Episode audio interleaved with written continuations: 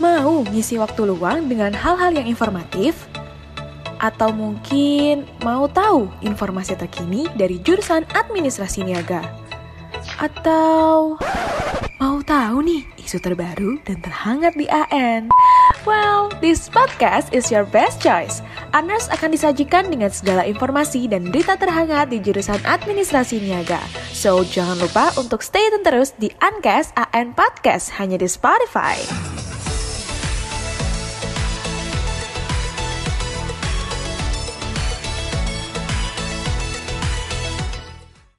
Aners, kembali lagi dengan Ankes AN Podcast di volume ketiga. Bagaimana nih keadaan Aners semuanya? Semoga dalam keadaan baik, sehat, dan bahagia ya. Karena masih dilanda pandemi, Aners jangan sampai lupa nih agar tetap menjaga kesehatan dan melakukan vaksin agar kehidupan kita di masa pandemi ini cepat berlalu. Dan untuk teman-teman Aners yang mendengarkan Ankes kali ini yang sambil mengerjakan sesuatu atau yang sambil rebahan, jangan sampai ketinggalan karena Ankes di volume ketiga ini sangat berbeda loh dengan Ankes di volume 1 dan 2. Soalnya kita akan mendengarkan sesuatu cerita yang menarik untuk nemenin malam Jumat Aners. Oke, untuk Aners dan pendengar Ankas, jangan lupa ya untuk ikutin informasi seru dan terupdate tentang jurusan AN lainnya dengan follow kita di Instagram dan Twitter Himeni, yaitu di PNJ dan subscribe juga YouTube kita di HMIN TV. Jangan sampai ketinggalan, karena di situ Aners bisa mengetahui informasi akademik maupun event AN lainnya. Anyway, gue Nuzulia. Dan gue Evan. Selain kita berdua, kita ditemani Tania yang akan membawakan info niaga yang menyajikan info penting seputar AN. Lalu ada apa aja sih sekarang di AN? Yaps, langsung aja. Ini dia info niaga. Info niaga. Thank you Nuzul dan juga Evan.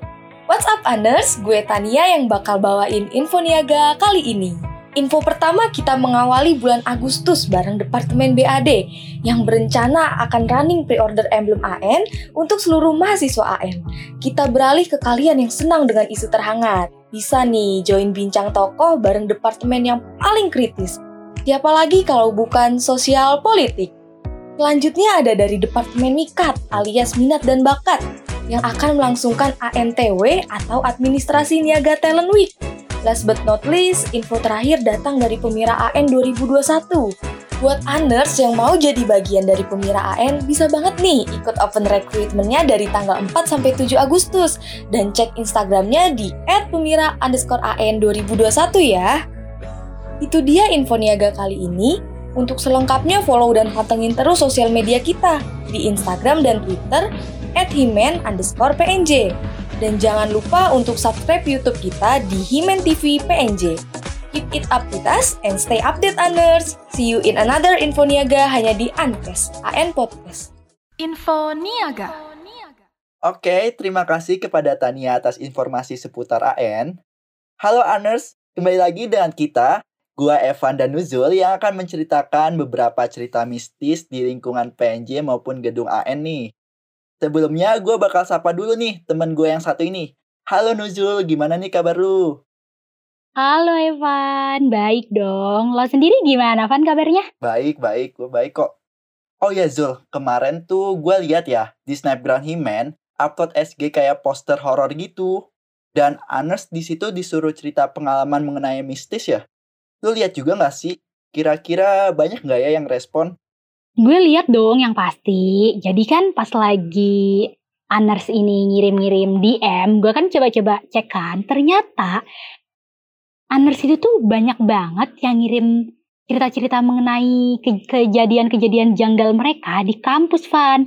Dan yang harus lo tahu, cerita-ceritanya mereka tuh bener-bener di luar ekspektasi kita banget gitu loh. Kayak lebih creepy daripada yang kita pikirin. Wow, bagus dong. Dan dari cerita ini, kita tuh ngambil tiga cerita yang menarik yang akan kita ceritakan di malam podcast ini. Ngomong-ngomong tentang makhluk halus nih, Van. Lo sendiri pernah gak sih, Van, ngerasain gitu ada kendala-kendala yang janggal selama lo di kampus atau enggak di lingkungan kampus gitu, Van? Kalau gue sih ya, selama ini nggak pernah rasain atau ngeliat sih. Cuma sebatas denger-dengar aja dari orang. Tapi itu aja udah buat gue merinding, Zul. Terus kalau lu sendiri emang pernah rasain Zul? Ya sudah jelas tidak pernah kalau gue sendiri ya. Kalau gue sendiri itu dari awal gue di kampus PNJ itu gue nggak pernah ngerasain hal-hal yang mistis sih. Gue nggak tahu juga kenapa. Kalau misalkan lo sendiri gimana? Hmm, kalau gue sih ya selama ini nggak pernah rasain atau ngeliat sih. Cuma sebatas denger-dengar aja dari orang. Tapi itu aja udah buat gue merinding Zul. Wah, ngomongin tentang merinding nih, Van. Nah, malam Jumat itu, Van, kalau kata orang dulu, orang dulu nih, nggak tahu kalau sekarang, kalau menurut gue sendiri juga, itu tuh malam Jumat itu tuh vibes-nya itu kayak lebih creepy, Ya, terus betul. kayak makhluk-makhluk yang suka gangguin ke manusia itu pada muncul kayak gitu, Van. Bener gak sih? Ya iya sih Zul, bener. Itu banyak orang bilang juga kayak gitu. Emang kenapa sih? Oh iya, gue mau nanya dong, Van. Eh, lo sekarang lagi di mana, Van? Gue sih di kamar nih, lagi sendirian. Hati-hati loh Van, lagi di kamar sendirian Terus kita lagi mau nyeritain hal-hal yang gak enak gitu Gue takutnya aja gitu ada yang ikut di kamar lo Duh Zul, jangan gitu dong. Iya sih nih, gue lagi di kamar sendirian kan. Tapi ya semoga gue di malam Jumat ini jangan sampai deh digangguin karena kita kan lagi ngomongin dia. Lu harus hati-hati juga sih Zul. Iya sih, gue juga di sini lagi tengok-tengok kamar Van Oh iya, em, ngomongin tentang kamar nih Van Ngomongin tentang kamar Eh, Karena gue tuh dapet cerita dari si Anas ini Jadi gue mau nyeritain kisah yang ada di asrama PNJ Nah lo tahu gak sih Van asrama PNJ di mana? Ah, asrama PNJ ya. Kalau menurut gua sih, nah ini Anas harus tahu juga asrama PNJ itu tepatnya di belakang kampus PNJ yaitu sekitaran Beji. Jadi Anas tinggal naik flyover jalan layang itu loh, terus turun ke bawah, nyampe ketemu angkot, nyampe deh ke lokasinya. Deket kok. Terus emang kenapa sama asrama PNJ Zul? Nah, jadi eh, gue sebut aja si Aners ini ya dengan nama samaran Mawar.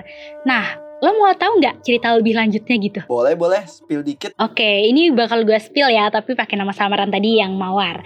Jadi si Mawar ini kan datang ke asrama PNJ kan dari awal PKKP karena rumah dia itu cukup jauh dari area kampus karena di Depok itu kos-kosan lumayan mahal ya jadi dia memutuskan untuk di asrama PNJ nah jadi pas lagi PKKP awal-awal PKKP itu kan pasti banyak tugas-tugas gitu nggak sih Van lo pernah PKKP kan nah itu pasti tugasnya banyak kan Iya bener banget tuh Zul, gue sampai keteter waktu itu tahun kemarin ngerjain ini itu, konten dan lain sebagainya deh. Nah, bener banget Van. Sampai gue tuh kalau lagi ngerjain tugas PKKP sampai ketiduran sampai jam 2 gitu Van.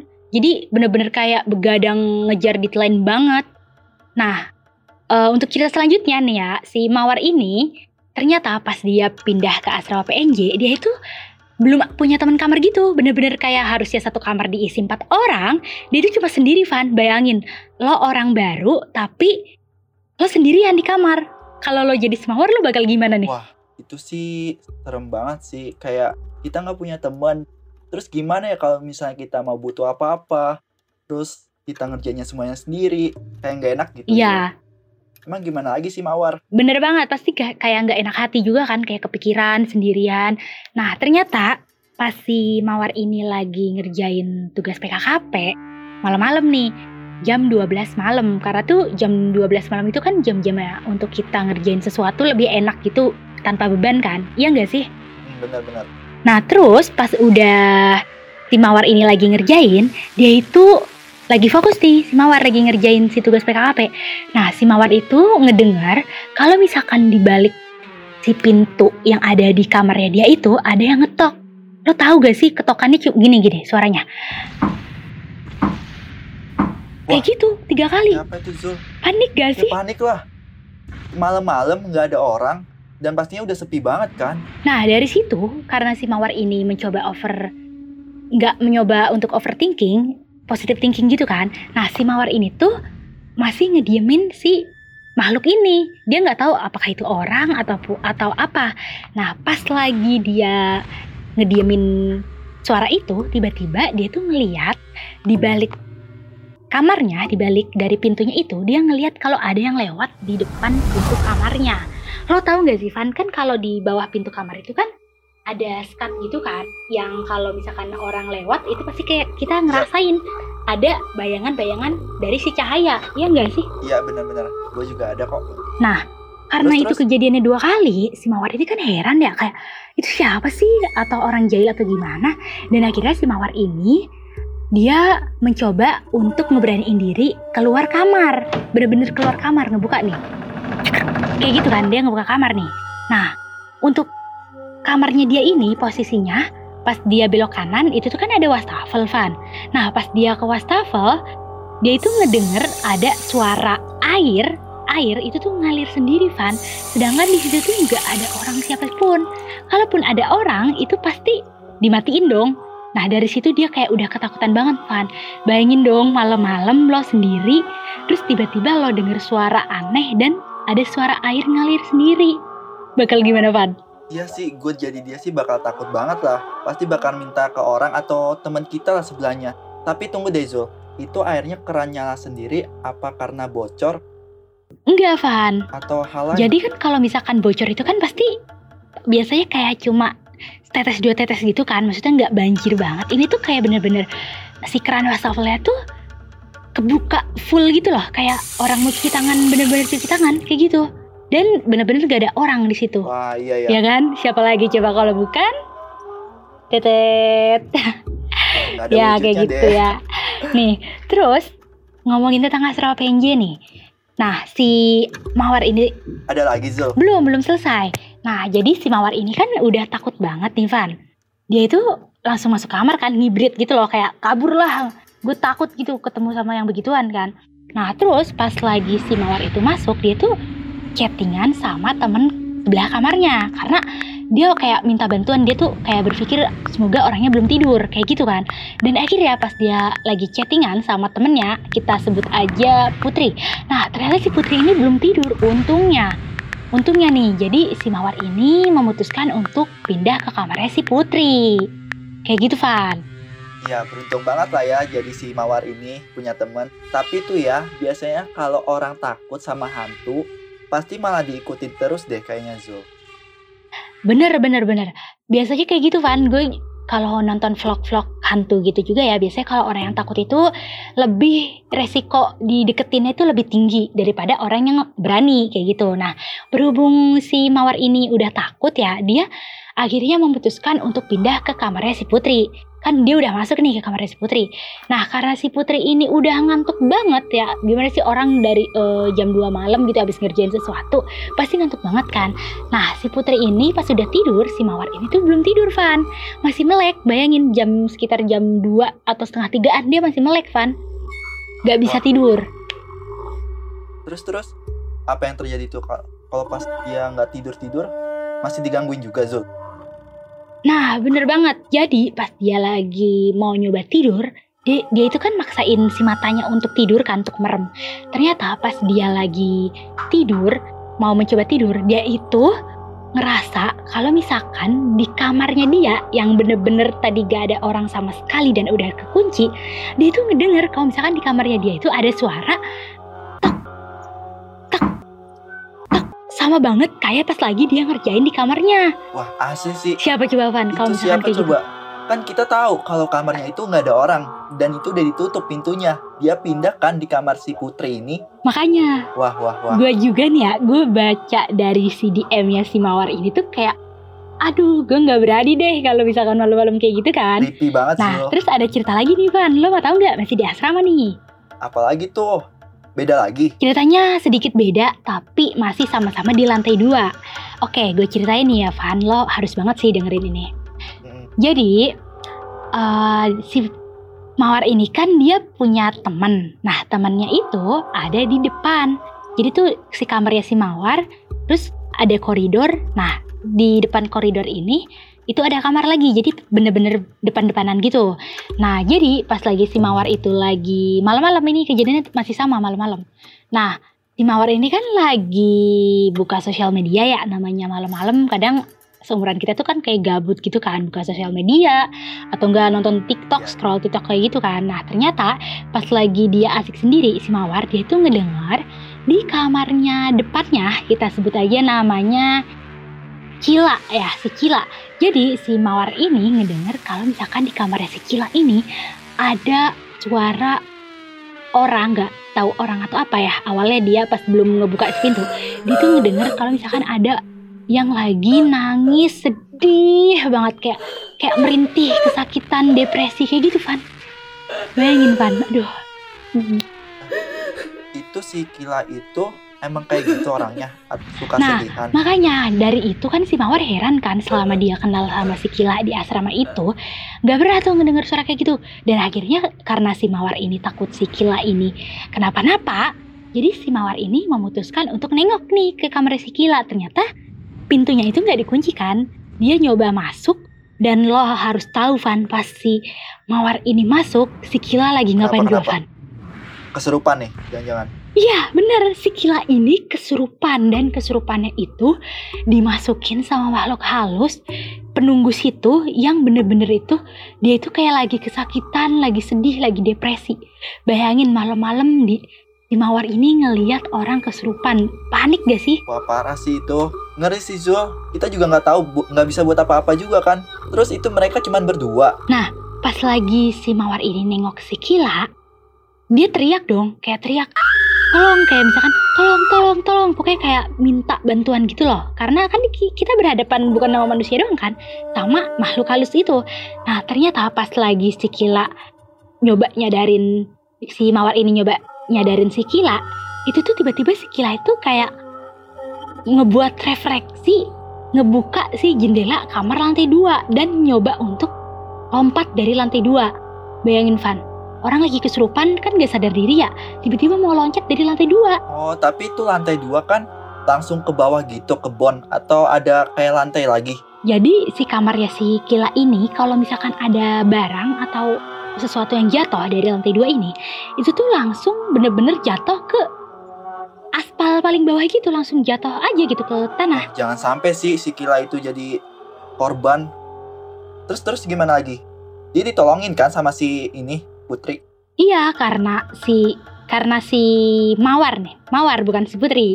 Oh Jadi, si Mawar ya? Si Oh. Mawar ini karena si Mawar itu khawatir sama si Kila, akhirnya si Mawar ini nahan tuh ya kali orang mau loncat dibiarin aja kan enggak kan pasti nah itu kan si mawar ini udah nyoba untuk nahan-nahan si Kila kan dan lo harus tahu Van pas si mawar ini nyoba nahan kakinya si Kila kakinya itu bener-bener kayak dingin kayak lo dimasukin ke es batu dingin banget kan terus kakinya itu bener-bener keras banget kayak nggak lemes untuk ditarik itu kayak seolah-olah si Kila ini nggak mau turun dari di tempat itu Van Hmm, gitu.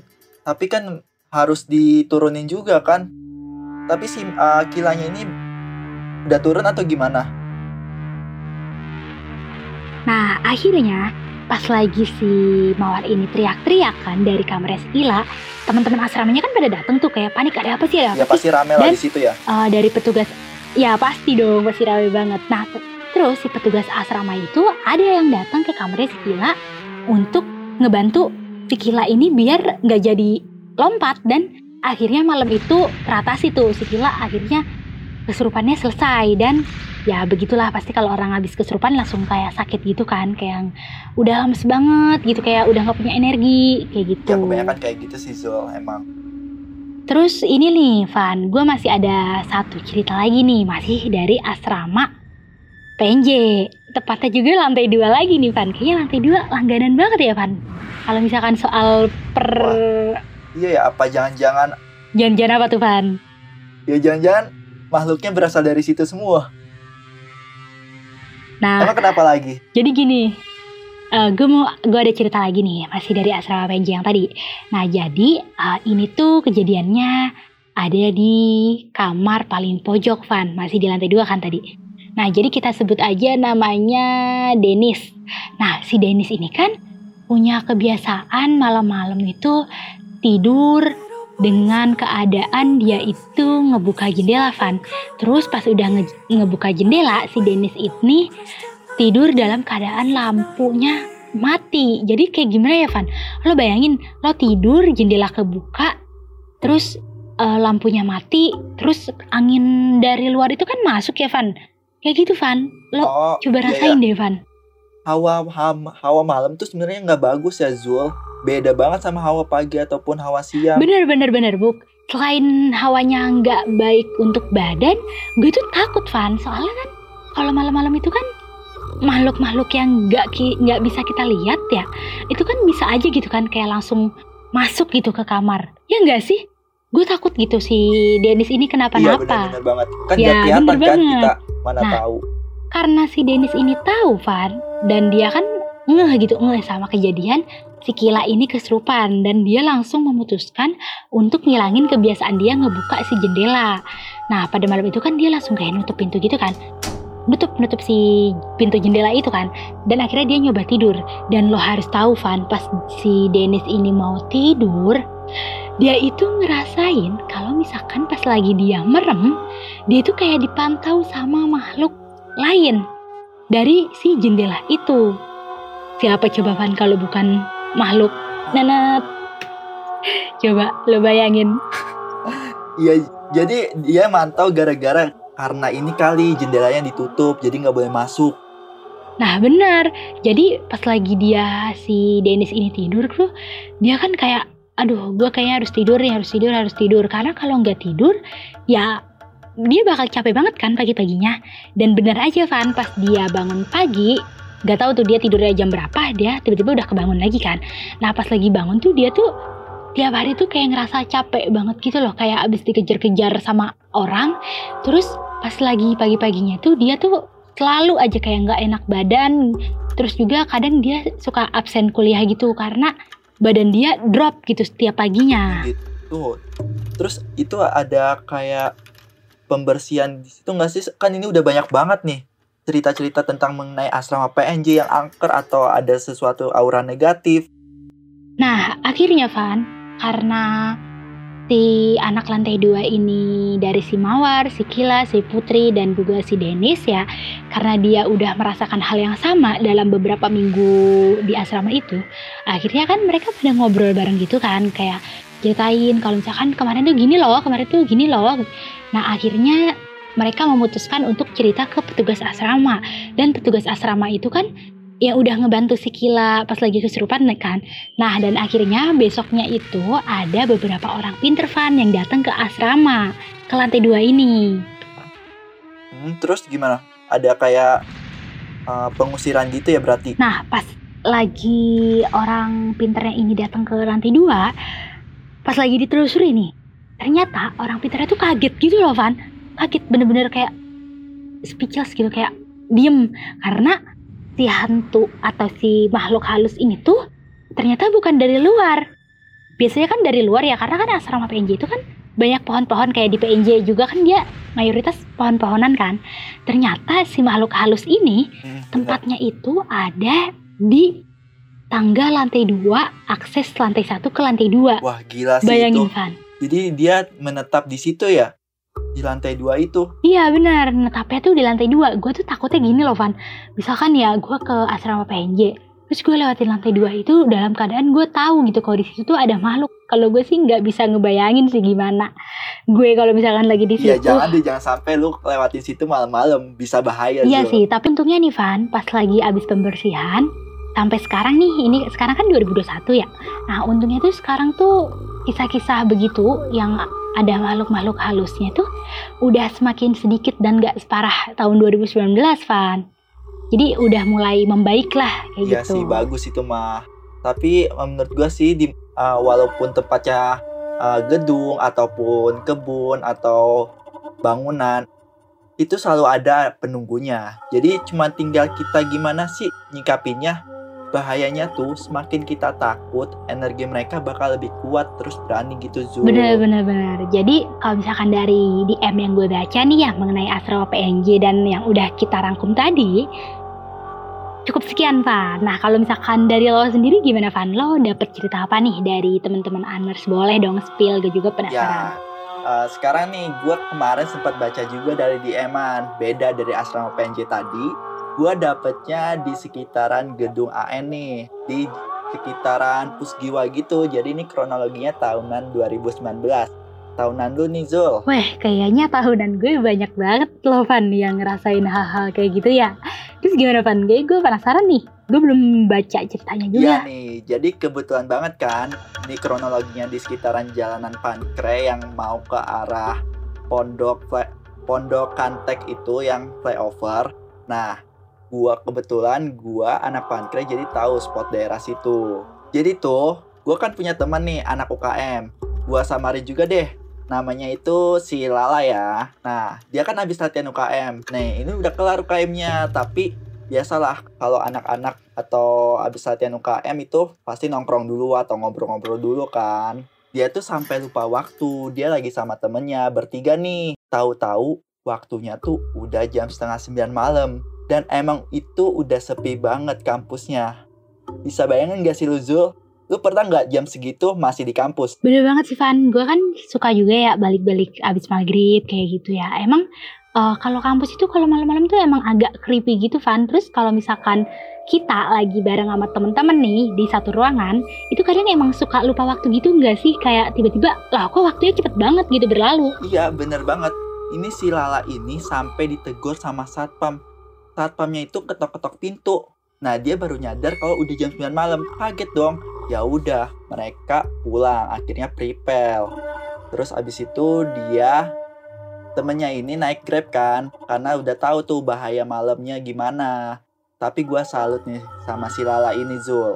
Kenapa tuh Van? iya dia berani sendiri jalan di tengah malam itu untuk sampai ke kosannya. Karena Bentar, lumayan deket Hmm, kenapa oh, Itu kan si Lala kan dia jalan ya dari Pusgiwa mau ke belakang.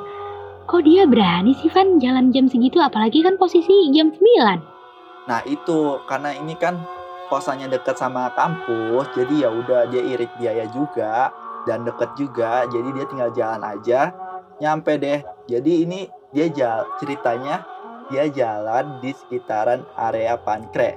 Lu tahu kan yang dekat kolam hijau itu tahu tahu gue sering banget tuh lewat situ terus gimana Pan? nah di situ tuh dia ngerasa aneh dia nggak dengar sama sekali anak tongkrongan atau anak pankre yang lagi ngobrol-ngobrol.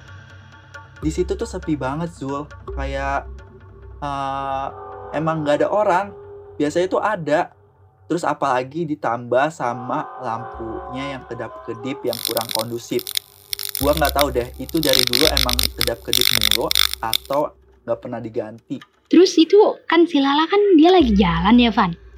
Terus kalau misalkan nggak ada anak pankre, gimana ya kalau misalkan gue jadi si Lala sih gue mungkin udah puter balik mending naik grab sih Van terus gimana Van? Iya kan ini di nah abis itu di kolam hijau ini kan otomatis mata kita tuh tertuju sama pohon gede yang di arah jalan tol itu ya nah kita pasti bakal tertuju ke sana dan samping-sampingnya kan pohon gede lu bisa bayangin gak sih itu serem banget dan itu malam-malam jam 9 dengan lampu yang agak redup-redup sedikit gitu pas dia ngelewatin kolam hijau, terus jalan lurus ke area Pankre, jalanannya kan turunan tuh.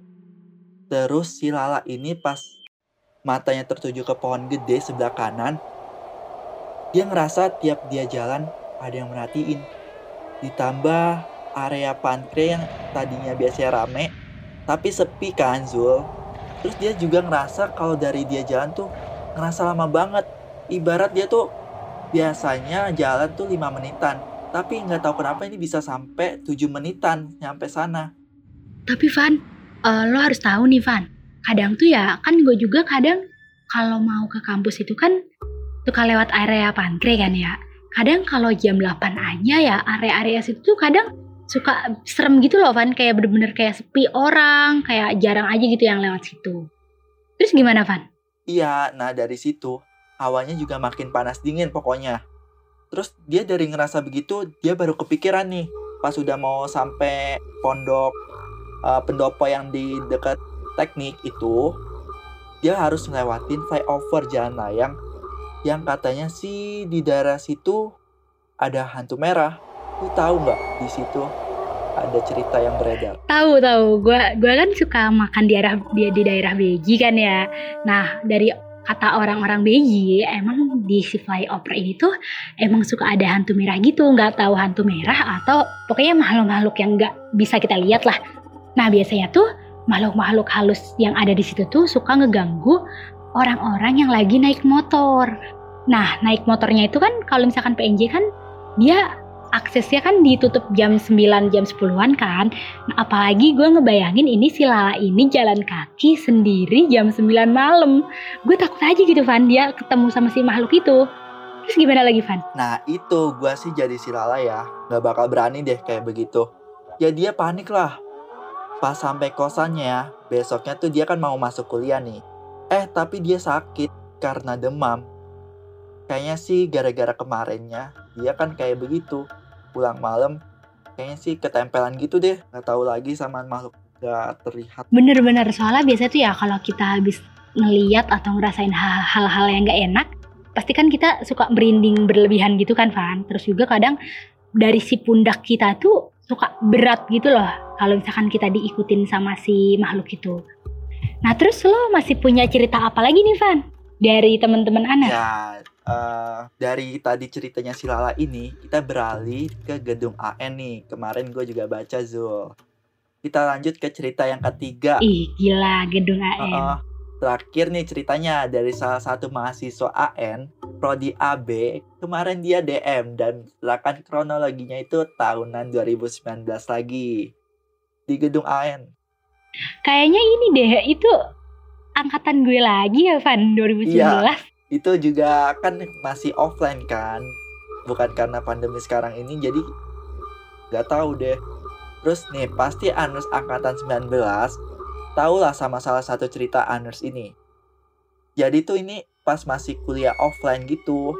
Kayaknya sih eh, pas di sini bilangnya pas masih UAS. Lu pernah kan UAS di pas pernah offline? pernah soalnya kalau gue tuh uas ya ada di area di, di area gedung AN itu entah itu di ruang lantai satu, lantai dua, atau enggak lantai tiga. Boleh dong di spill lebih jauh gitu gue kayaknya penasaran banget gitu sama si cerita anak Anders Nah. ini. Nah, oke, gua langsung aja kali ya di kronologinya. Kita samarin aja namanya itu si Nana.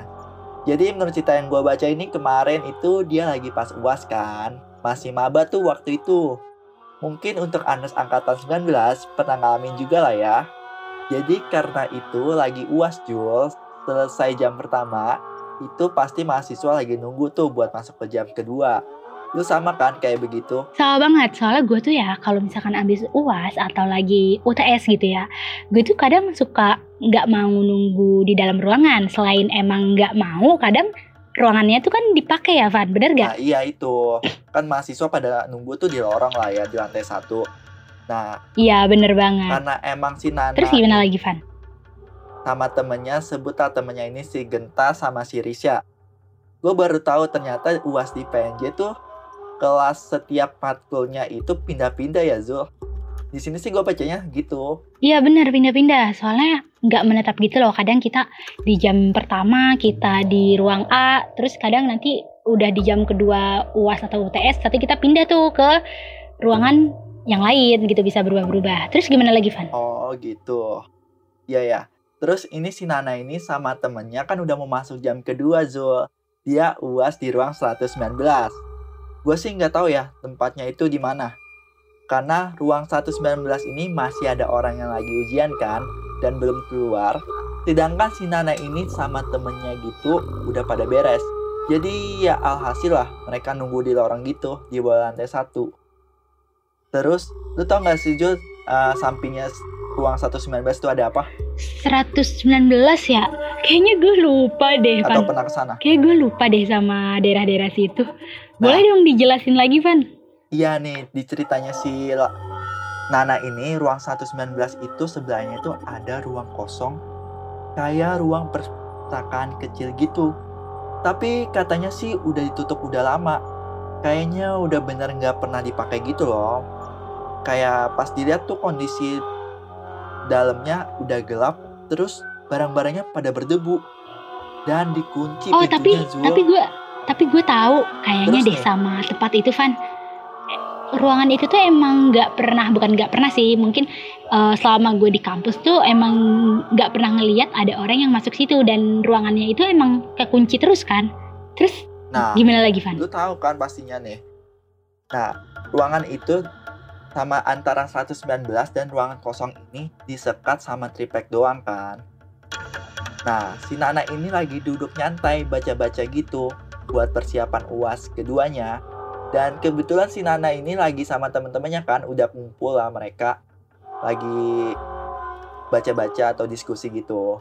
Nana kan lagi senderan di depan pintu masuk, pintu masuk ruang kosong ini. Terus si Genta lagi berdiri di sampingnya Nana dan Risha di depannya lagi. Sama-sama baca buku. Terus tiba-tiba kayak ada suara. Gimana sih kayak ibarat suara orang dorong pintu, tapi ya pintunya itu kekunci. Jadi kayak nggak bakal kebuka itu pintunya. Ih, serem banget ya. Maksudnya kayak lo tahu gitu ruangan itu nggak ada siapa-siapa, tiba-tiba ada refleks bunyi getaran gitu. Serem banget sih. Terus gimana lagi, Van? Nah, iya, di situ ada yang nendang pintu gitu dari dalam kan. Pada ruangannya itu kosong. Bisa bayangin gak sih Anders itu siapa? Si Nana ini kan sontak kaget ya, kayak langsung menjauh. Eh, apaan tuh? Padahal kan ini ruangan kosong, lompat ke depan. Karena itu tendangan kenceng banget, Zul. Katanya sih dari dalam ruangan itu kayak ada suara-suara yang aneh-aneh pokoknya. Sampai si Risya sama Genta temennya kaget juga. Gak cuma Nana doang yang ngerasain. Si temennya ini ngeliat dan kaget juga denger. Sontak mereka bertatap-tatapan dan bilangin si Nana, Nak, sini nak, di situ ada apa nak? Tapi tapi serem juga Jadi ya tuh, maksudnya. Tapi serem juga ya Van kayak lo lagi belajar terus tiba-tiba lo ngedenger suara yang aneh-aneh ditambah lagi ada gerakan fisik lah bisa dibilang ya gerakan dari si benda itu. Terus lo gimana lagi Van ceritanya? Apa udah selesai atau Nah gimana? belum nih. Nah di sini tuh si Nana ini kan lagi santai-santai ya. Ya kaget juga lah diganggu sama yang gak ada wujudnya. Alhasil lah mereka bertiga langsung pindah ke ruang piala. Dan setelah itu sih lanjut belajar lagi. Udah gitu aja sih. Tapi parah sih Zul, gua rasa ya, yang ada di dalam ruangan itu ngerasa keganggu nggak sih? Entah sama mahasiswanya atau nggak suka tempatnya Bener diusir. sih kalau menurut gua sih ya si, pe- si penunggu dari ruangan itu mungkin dia itu kayak nggak enak gitu tempatnya ada yang ngehalangin atau gimana atau emang dianya jahil ya semoga aja gitu ya nanti next kita offline nggak ada apa-apa gitu di gedung Amin. Ya, kayak gitu deh cerita kita pada hari ini. Oke deh, teman-teman Aners, ternyata ceritanya sudah selesai nih. Dan pastinya masih banyak lagi cerita dari teman-teman Aners yang mungkin lebih creepy dari ini. Boleh banget kirim lagi melalui DM Instagram Himen.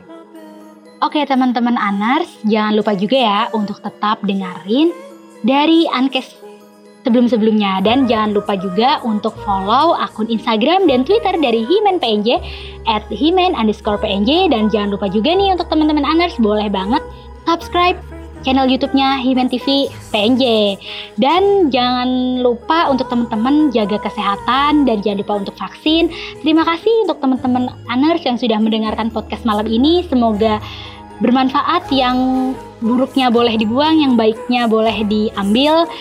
Sampai jumpa di podcast selanjutnya.